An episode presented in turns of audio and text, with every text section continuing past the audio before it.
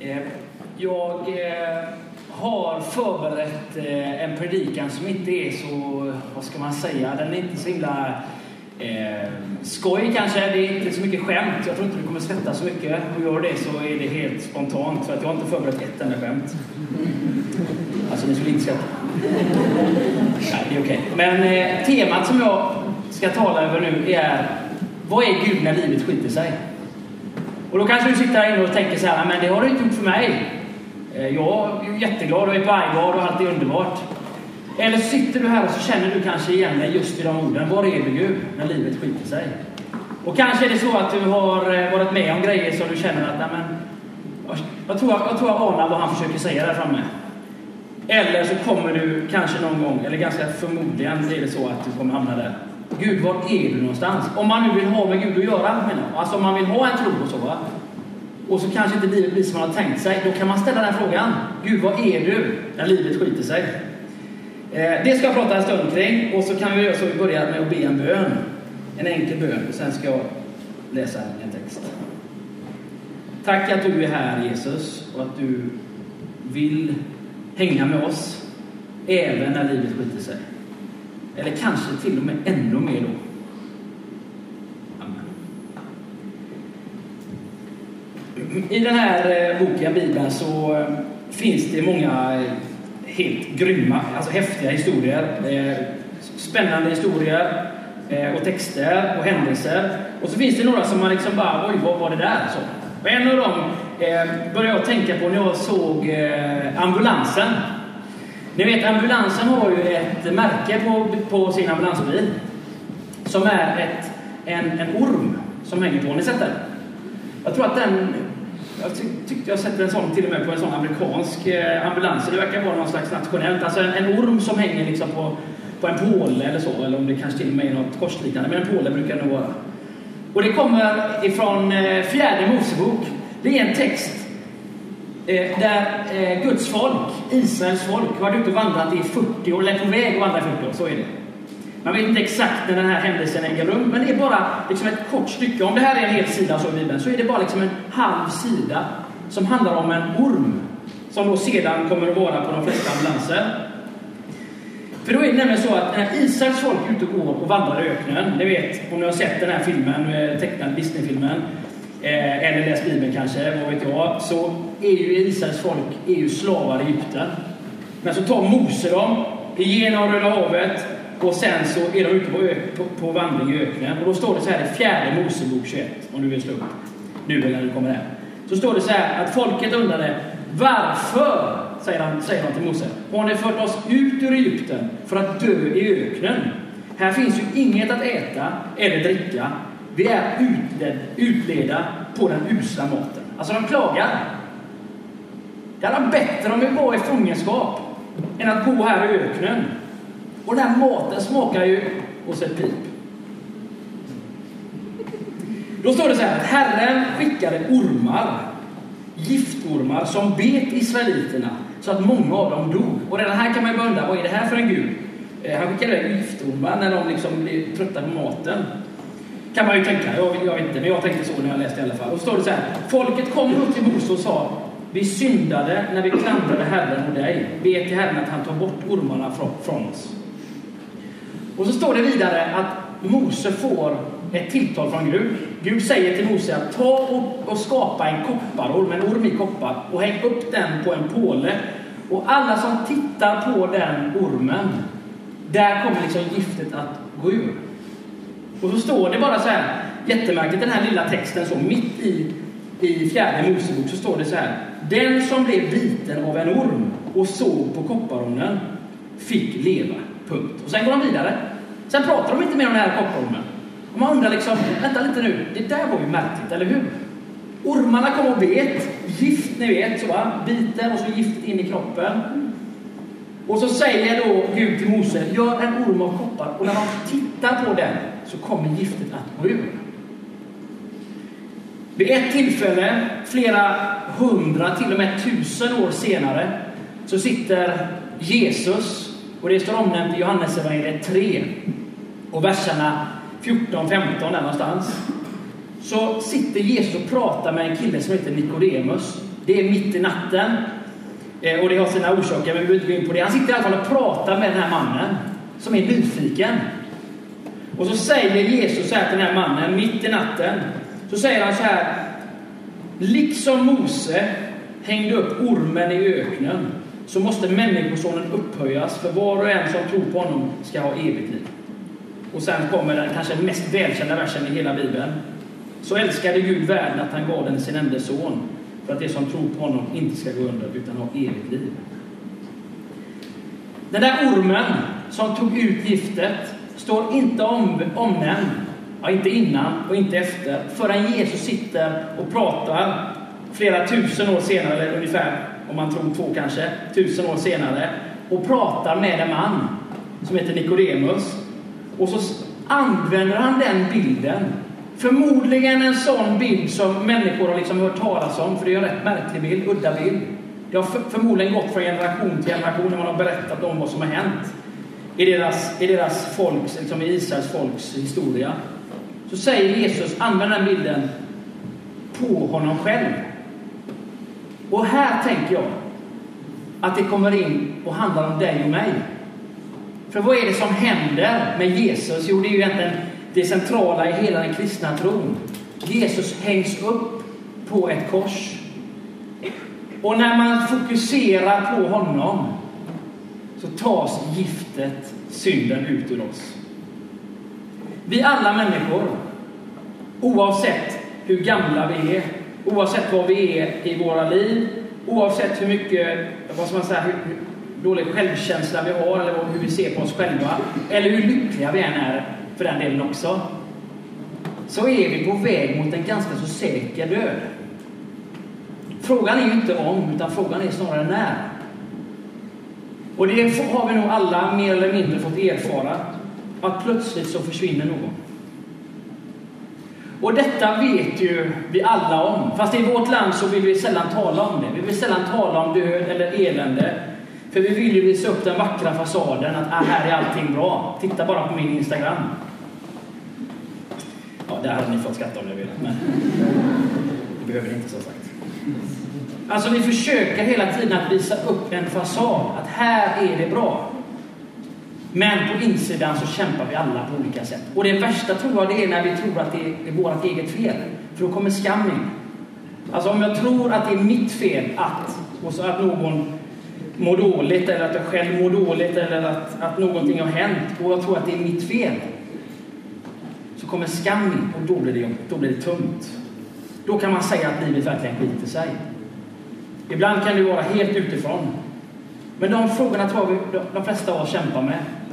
Om jag ska bli lite personlig, och jag kommer tillbaka till den här texten om en stund också, så är den, den största sorgen som jag har i mitt liv, det var när mina föräldrar när jag var 11 år gick isär. Och det är min största sorg, men det är också min... Eh, nu i efterhand kan jag säga att det är den enskilda händelse som har format mig till den jag är idag. Om jag ska ta ut en enda sak, om jag fick frågan vad har format dig? Så skulle jag nog säga det. Hade jag velat att det inte blev så? Ja. Eh, när man är 11 år så börjar man fundera över vem jag och självbild och så vidare, även om man inte kanske har ord för det. Och där någonstans så var den enda, trodde jag i alla fall, enda fasta punkten i mitt liv. De två som egentligen eh, rent bokstavligt gjort så att jag finns. Liksom. Det brast. Och jag minns att jag funderade rätt mycket då. Gud, om du finns, vad håller du på med? Och jag bad till Gud, och det här är helt ärligt, jag bad till Gud ända fram till en av mina föräldrar gifte sig. Att gode Gud, om det finns en chans kan de inte bli tillsammans igen. Nu i efterhand så kan jag ju se att, eh, för det dröjde inte, det var några år där jag var kanske ungefär 15-16 år när, när detta hände då. Eh, när jag slutade be den bönen, för då hade jag en där gift då. Eh, men i efterhand så kan jag nog vara glad ändå, för det har gått rätt så bra. Man skulle nog till och med kunna säga att Gud har varit med i mitt liv i kanske framförallt de värsta stunderna. Och då skulle jag vilja säga huvudmeningen den här predikan, om du inte kommer ihåg någonting egentligen så är det här den viktigaste tror jag. Att Gud, han vill inte allting som sker. Men han är med i allting som sker. Gud vill inte allt som sker. Men jag tror att han är med i allt som sker. Den här kopparormen, ni vet, som vi talade om i början. När man tittade på den så gick giftet ur. Vi har alla människor eh, synd i oss, det är det Bibeln talar om. Synd. Och när Jesus refererar till den här kopparormen igen, det kanske egentligen var därför som den står med i Gamla Testamentet överhuvudtaget. Kanske är det så. När Jesus refererar till den så talar han också om sig själv. Att okej, okay, vi alla har synd i oss. Det är ingen som inte har synd i sig. Alla är på väg mot en ganska säker död. Men, säger han, och här kommer liksom hela vändningen. Han säger så här. Var och en som tror på honom ska ha evigt liv. Varför? Jo, för Gud älskade världen att han gav den sin enda son. För att de som tror på honom inte ska gå under, utan ha evigt liv. När Jesus, eh, precis innan han ska dö, eller rättare sagt innan han står inför eh, eh Pontius Pilatus, och han blir anklagad och de säger folket att han ska bli korsfäst, så säger Pontius Pilatus, i alla fall om man läser Markus evangeliet, så säger han så här. Eh, Vem är du? säger han. Och så säger han så här. Du är alltså judarnas konung? Frågetecken. Då svarar Jesus så här. Du själv säger det. Han liksom vänder tillbaka till Pilatus och säger det. Men du, du som säger det. Och så säger Pilatus, ja men folket anklagar dig Jesus. Du har ju sagt en del grejer som varit rätt så luriga och som har retat upp folk. Har du ingenting att svara på deras anklagelser? Du hör ju hur de anklagar dig. Och så står det innantill. Han svarade ingenting. Och Pilatus blev förvånad. Jesus svarade honom ingenting. Och Pilatus blev förvånad. Och så hände det här, ni vet, om ni nu vet, om ni har sett Passion of the Christ eller läst till. Att varje år så skulle en, en brottsling friges. Och nu hade man Barabbas, mördaren. Och Pontius Pilatus tänkte nog i sitt inre att om vi ställer Jesus, som jag inte riktigt förstår varför han är anklagad ens en gång. Om vi ställer honom här och så ställer vi den här mördaren här. Så borde ju ändå folket liksom se vilken otrolig skillnad. Så de borde ju säga frige Jesus. Men vad gör de? när de ropar att Jesus, eller rättare sagt att Barabbas ska friges. Och när han inser att okay, han har folket emot sig så frågar han vad ska vi göra med Jesus? Korsfäst honom. Häng upp honom likt den där kopparormen. Men Jesus han säger ingenting. I alla fall inte om man läser Markus evangeliet. Så står det sedan, och jag bara går egentligen den texten om ni, om ni vill kan läsa hemma sen, Markus 14 och 15. Då står det så här att soldaterna som tog honom för att prygla honom innan han skulle bli korsfäst, de kastade lott om hans kläder. Och de hånade honom. Och de böjde sig ner. Och de sa Länge leve konungen. Sådär hånfullt. Och de slog honom. Och de spottade honom. Och han var helt ensam och han sa ingenting. Han var knäpptyst. Och jag tänker ungefär så här att om det hade varit jag som var utsatt och var ensam, då hade jag frågat Gud, var är du någonstans? Ungefär samma som den där kvällen när jag var 11 år. Och när jag förstod att det, det blir nog tufft nu. Gud, var är du någonstans? Nu har de där ungdomsledarna och han i kyrkan och hon också för den delen har snackat om den där Gud och så. Men nu när det verkligen gäller, liksom, var är du så? Va? Vad hände med Jesus? Jo, de förde honom utanför staden på en kulle. Och han blev förmodligen hånad hela vägen ut. Och ensam. Hans närmsta vänner, de var inte där. Hans familj var inte där heller förrän senare när han är på korset. Och så står det, och jag läser till. De korsfäste honom och delade hans kläder mellan sig genom att kasta lott om dem. Det var vid tredje timmen som de korsfäste honom. På anslaget över hans huvud så stod det judarnas konung. Ungefär som ett sista hån liksom. Tillsammans med honom korsfästes två rövare, den ene till höger, den andra till vänster. De som gick förbi, de sa, skakade på huvudet och sa, du som rev ner templet, eller river ner templet och bygger upp det igen på tre dagar. Det var någonting som Jesus hade sagt innan. Hjälp dig själv! Om du nu har snackat så mycket att du kan göra saker, hjälp dig själv. Stig ner från korset. Och de skriftlärda, de riktigt, riktigt, riktigt fromma, De gjorde narr av honom. Och de sa sinsemellan, andra människor har han hjälpt, men sig själv kan han inte hjälpa.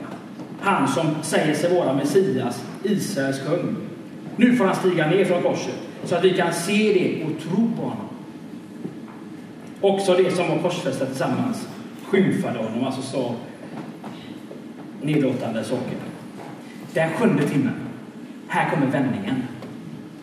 Så fullt mörker över hela jorden. Och det var det till nionde timmen.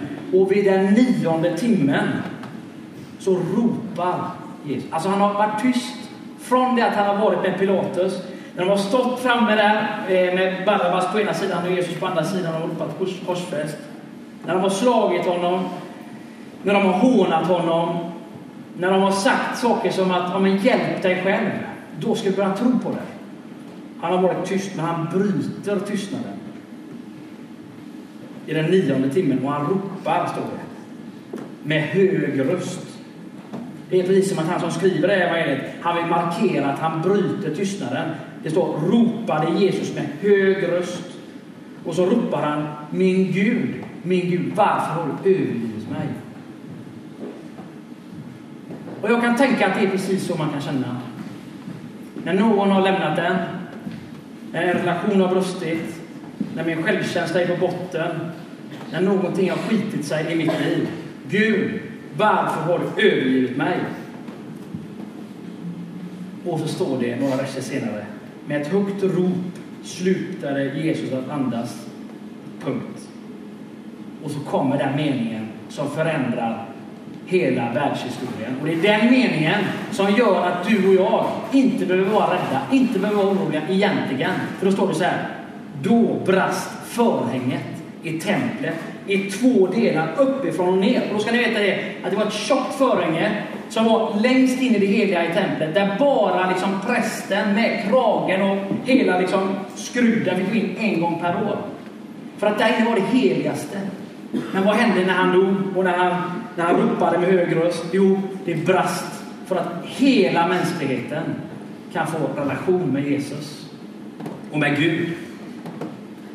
Och så står det, tänk dig nu då att alla som har mött Jesus, de har hånat honom, snackat illa om honom. Så står det så här, när officeren som stod vänd mot honom såg honom ge upp andan på det sättet sa han, den mannen måste vara Guds son. Om du känner att livet skiter sig, eller har gjort det, så är du i ganska gott sällskap. Jesus själv har varit där.